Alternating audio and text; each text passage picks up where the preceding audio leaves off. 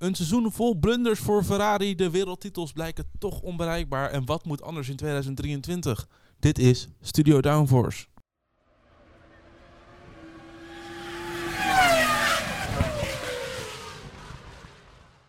Ja, hallo allemaal. Wat leuk dat je luistert naar een nieuwe aflevering van Studio Downforce. De negende aflevering van de Winterstopcast. Vandaag gaan we het hebben over Ferrari. We gaan terugblikken op het seizoen van Ferrari in 2022. We geven de coureurs en het team een cijfer en we blikken vooruit op 2023. Dat doe ik niet alleen, ik zei al we. Allereerst ben ik met Lies. Hey Bram. Hallo. En daarnaast ook met Elias. Buongiorno Bram. Buongiorno. Hey, Elias, als uh, mensen deze podcast luisteren en denken van... Goh, wat is dit een leuke podcast. Waar kan ik ze nog meer vinden? Waar, wat heb je dan jouw antwoord daarop? Nou, uh, waar moet ik beginnen, Bram? Uh, we hebben allereerst hebben Facebook voor alle boomers en Lies. Uh, we hebben LinkedIn. we hebben Twitter en we hebben Instagram. daar kun je ons volgen op studio.downforce. Daarnaast kun je ook onze pod, podcast luisteren op Spotify. En dat ben je nu waarschijnlijk ook al aan het doen. Dus als je dan toch bezig bent met luisteren, joh, volg ons dan gelijk ook even. Wordt zeker gewaardeerd. Nou, klinkt helemaal goed. En dan uh, zou ik zeggen in goed Italiaans, Inziamo.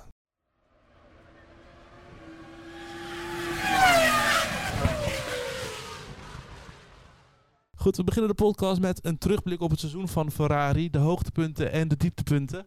Is er een vrijwilliger voor de hoogtepunten aanwezig? Oh, uh, laat, laat ik deze keer doen, ja. Nou, doe maar. Ja, ik heb nog net niet mijn Ferrari trui aan die ik hier heb liggen ergens op zolder. Uh, maar ik kan het niet geloven. Overwinning van Leclerc in Bahrein, dat was het eerste hoogtepunt.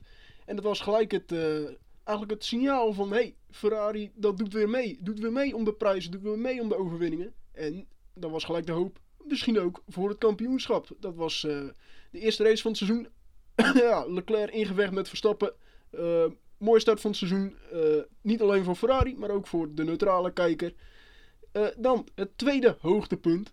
De pols van Leclerc in Monaco en Monza. Ja, Monaco natuurlijk zijn eigen uh, ja, thuisland. Is het, is het een land? Thuisland? Ja, ja in ieder geval zijn geboortestaat.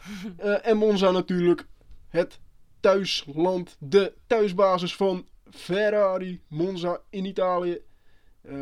ja, eigenlijk overbodig voor de ja, uh, ge doorgewinterde Formule 1 fan. Maar goed, ik vertel het je toch even. Uh, ja. Dan de eerste pole en overwinning voor Carlos Sainz in Silverstone. Dat was het derde hoogtepunt, want verder... Was er niet veel te vieren. Goed, dan uh, de dieptepunten. Nou, we beginnen gelijk met eigenlijk het grootste probleem van Ferrari in 2022. Namelijk de betrouwbaarheid. Ik uh, noem onder andere een dubbele DNF in Baku, Leclerc in Spanje. En dat zijn dan een aantal van de voorbeelden rondom de betrouwbaarheid. Maar dat is niet alles. We hebben ook nog de strategische blunders. Dat waren denk ik nou, de meeste. Noemen, dat waren de meeste. Monaco, Silverstone, Hongarije. Banden, uh, banden. Wanneer was het met die banden? Hm? Welke band? Ja, dat, dat is alles. Als alles ja. heeft te maken met banden. Ik weet niet wat je bedoelt. ja, laat maar. Gaan we door. Gaan we door. en tot slot fout van coureur zelf.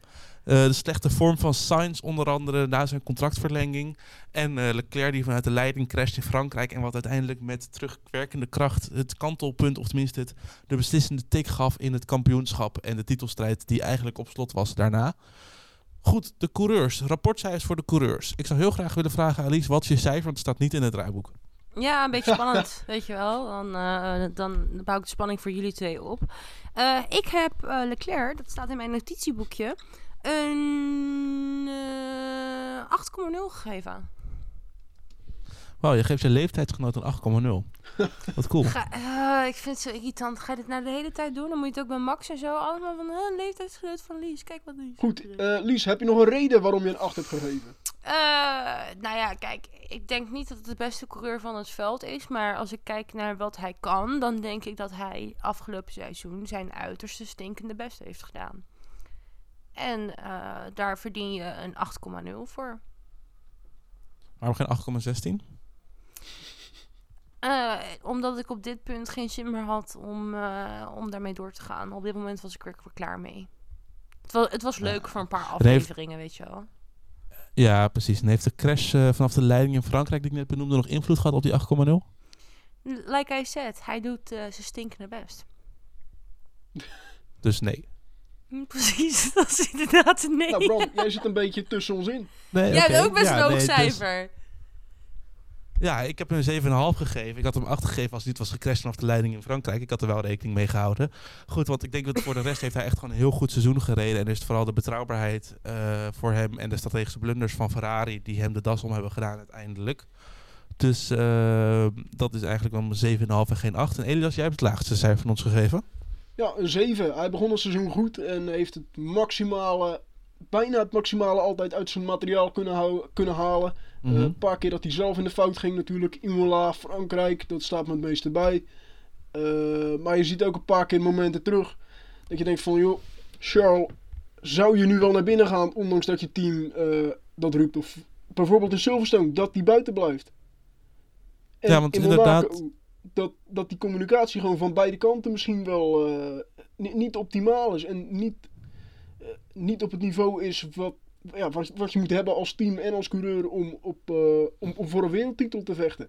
Misschien is dat wel zo, dat, dat, dat hij daarin nog moet groeien. En ik denk daarom een 7 is op zijn plaats, denk ik. Ja, want inderdaad, ehm, dat was de kritiek natuurlijk die Leclerc dit seizoen heel veel heeft gehad. Dat hij blindelings op Ferrari vertrouwt. En je zag bijvoorbeeld, eh, waardoor Sainz zijn eerste overwinning heeft gehaald Ja. in eh, Silverstone. Dat was echt omdat hij gewoon tegen het team heeft gezegd, luister, ik ga niet naar jullie luisteren. Ik ga, we gaan nu doen wat ik wil. Nee, daar heb je... Want Ferrari had oorspronkelijk een, een ander plan met eh Sainz in die race. Maar Sainz heeft zelf gezegd van, hé hey, luister, we gaan dit zo doen. Ja, maar Monaco, kan het- nog zo'n kan voorbeeld. natuurlijk ook altijd heel erg verkeerd aflopen. hè. En dan hadden we weer gezegd van, eh, wat een pannenkoek. Dus, eh, mm, dat, ik, dat- ik ja, het- ja, klopt. En het is vaak dat de coureur in de auto het beste weet wat goed is voor de auto. Dat, zien, dat, dat is wel... Het is vaker dat de coureur het goed heeft in zo'n situatie dan fout. fair, maar het is niet hun baan. Nee, maar het, het is wel een raadgever.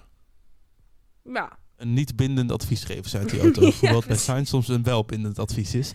Goed, we hebben het over de Spanjaard. Laten we doorgaan naar de cijfers. Elias en ik eh, zitten lekker op één lijn hierin wel. Een 6,5 Elias. Ja, een 6,5 voor mij, eh, voor Carlos Sainz. Eh, na, ja, na zijn contractverlenging leek hij een beetje in te kakken natuurlijk. Hij had een eh, crash in eh, Australië, een crash in Imola.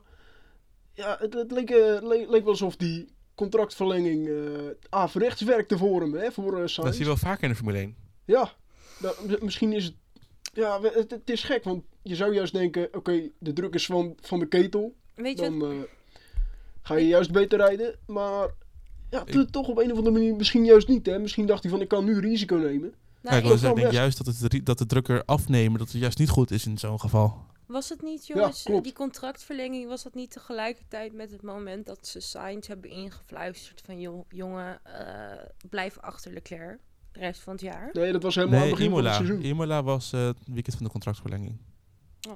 Volgens mij. Eh, Maar goed, ik heb hem 6,6 gegeven omdat het is een heel goed seizoen. Ik vond de 5,5 te laag, want dat is 55 startnummer. en ik dacht, nou dan maar 6,6. Ik heb hem een 6,7 gegeven, dus we zitten echt niet ver uit de buurt hier. nou, Ja, ja, heb je nog iets aan toe te voegen dan? Want ik neem aan dat dan het wel aansluit op wat wij al hebben gezegd. Of ja heb je precies. heel Het nieuwe sluit, het dingen? sluit aan op wat jullie hebben gezegd. En ik vind het jammer, want ik had hem een hoger cijfer gegeven als we het over uiterlijk zouden hebben. Goed, we moeten door door. naar het rapportcijfer van Ferrari. ja, eh, ik heb hem Ferrari een 5 gegeven. En dat komt vooral omdat gewoon de strategie zo enorm tekort kwam. Dat is gewoon topteam onwaardig, vond ik. En Ja. eigenlijk sluit mijn doen. cijfer aan bij het eindoordeel. Heel dus dat is de eh, eh, combinatie. En Elias, je hebt een 6 gegeven? Ja, ik heb een 6 gegeven eh, omdat ze gewoon niet eh, het, het, ja, het meeste uit de potentie hebben gehaald die ze dit seizoen hadden. Ze hadden de kans om eh, met Red Bull om die titel te strijden. Niet alleen om de kamp, ja, om, zo, eh, eh, niet alleen om de coureurstitel, maar ook om de constructeurstitel. en Mm. zeker het begin van het seizoen had Ferrari gewoon de betere auto. En dan moet je gewoon profiteren. En dat hebben ze gewoon niet kunnen, eh, kunnen doen. Of, of dat nou hun eigen fouten waren. Of dat ze niet konden profiteren van, eh, van, van bijvoorbeeld de fouten van Red Bull of van Mercedes. Want Mercedes zat gewoon heel dicht bij Ferrari aan het eind van het seizoen. En dat was bijna nog spannend geworden om de tweede plek in het kampioenschap.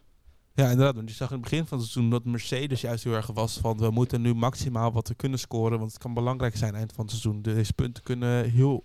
En dat zie je weer aan het eind. Ze hebben natuurlijk uiteindelijk zijn ze derde geworden op weet ik veel hoeveel punten. Maar je zag wel dat in het begin van het seizoen die mindset voor Mercedes van oh ja, we moeten nu scoren, want nu kan het. Die, die- dat ontbrak echt bij Ferrari. Ja. Die dachten van nou, als we deze, deze, race, niet, eh, deze race niet gewonnen, nou hè, jammer, volgende misschien weer. Ja, precies. Goed, Lies, jouw cijfer. Ja, nou ja, ik, ik, vond, ik sluit me een beetje aan wat, bij wat jullie allemaal zeiden. En ik vond het daarom ook rete lastig. Want eh, ik, ik ga ze dus weer twee cijfers geven. Eh, eentje eh, zonder strategisten. En eh, zonder strategisten had ik ze een 7,8 gegeven. Want Zo. ja, ja, maar jongens, het was een beest van een auto, hè? Ja, dat is waar. Dat ding, ja. Hoewel, die, Dat- hoewel het, was, het was een beest van een auto in Bahrein hoor. Ze hebben he- echt wel gefaald in het doorontwikkelen.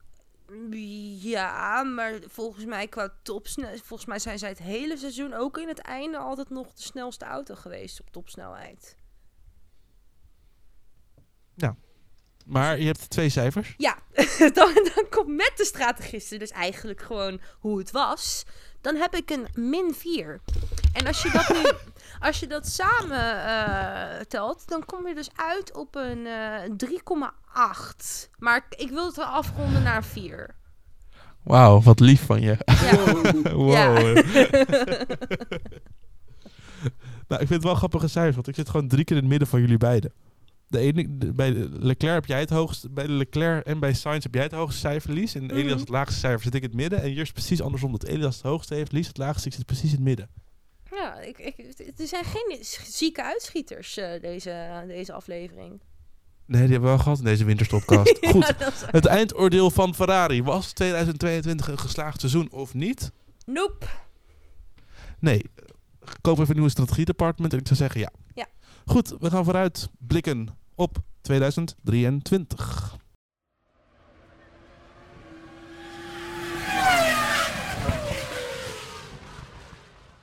Ja, een vooruitblik op het Formule 1 seizoen van 2023 voor Scuderia Ferrari. De coureurs line-up blijft ongewijzigd. Leclerc blijft, Sainz blijft. Zo is dat. Ook eh, als derde coureur Robert Schwarzman en Antonio Giovinazzi. Die blijven gewoon lekker waar ze hebben gezeten het afgelopen jaar. Wat er wel gaat veranderen is dat Binotto zijn spullen mag pakken en voor een jaar niet in de Formule 1 mag werken. en Vasseur de nieuwe teambaas wordt. Ja, Ja, mag ik daar meer wat dan van logisch, zeggen? toch? Zeker. Ik bedoel, ik gun, het, ik, ik gun Vasseur echt alle liefde van de wereld. En daarom ben ik ook zo bang dat dit gewoon gelijk het einde van zijn carrière gaat betekenen. Ja, dat denk ik ook wel. Zal me niks verbazen. Ja, weet je wel. Dat, dat- ik bedoel, dit, dit is zoiets van... Ik snap dat de teambaas weg moet. Het is net bij voetbal zo, dat je al die coaches eruit pleurt. Eh, maar Ja. als het probleem daar niet ligt, maar bijvoorbeeld in dit geval bij een strategiedepartment... en er zitten dezelfde strategisten zitten er nog achter, achter het schermpje aankomend jaar... dan eh, gaat zijn kop ook rollen. Ja, dat denk ik ook. Maar volgens mij heeft Vasseur wel bovenaan zijn taaklijst staan nieuwe strategist hoor. Ik mag hopen. Dat eh, ik ook. Goed, en dan eh, verder nog eh, onze verwachtingen en de verwachtingen voor, eh, vanuit Ferrari. Wat, eh, wat denken wij ervan? Voor volgend jaar? Hmm. Ja, goede vraag, Bram. Nou, wat fijn dat jullie ook antwoord geven op mijn vraag. Nee. Ja, we laten hier even, we, la- we laten hier even de, in spanning, de, de spanning opbouwen. Hè? De, wat, wat gaat het worden volgend seizoen? Ik weet nou, het niet. ik denk dat Ferrari het gewoon heel lastig gaat krijgen om eh, Red Bull en Mercedes bij te houden. En misschien nog wel concurrentie krijgt van, wie weet, Alpine en McLaren. Maar ik denk dat ze wel mee kunnen doen om de overwinningen. Maar vanwege alle onrust achter de schermen, je weet niet wat er allemaal gaat gebeuren. Misschien worden er nog mensen uit de tent geschopt daar. Ja, Mhm. ik denk toch dat ze een eh, onrustig seizoen tegemoet gaan. Eh, Ik denk tweede, derde plek, denk ik weer. Zoiets. Ja, ik denk inderdaad, vechten voor de wereldtitel lijkt te ver gegrepen nog. Ja. Maar misschien dat ze wel eh, een dreiging kunnen gaan vormen, wie weet. Ik hoop het Voor, wel, weet eh, je. Het is voor ons alleen maar beter om naar te kijken. Ik, ik, eigenlijk wat ik hoop is dat ze een beetje het Red Bull worden van wat Red Bull was in 2016 en 2017.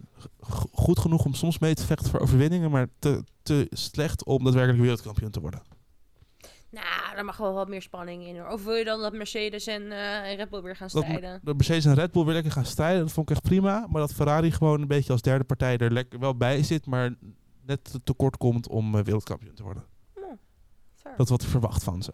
Ja.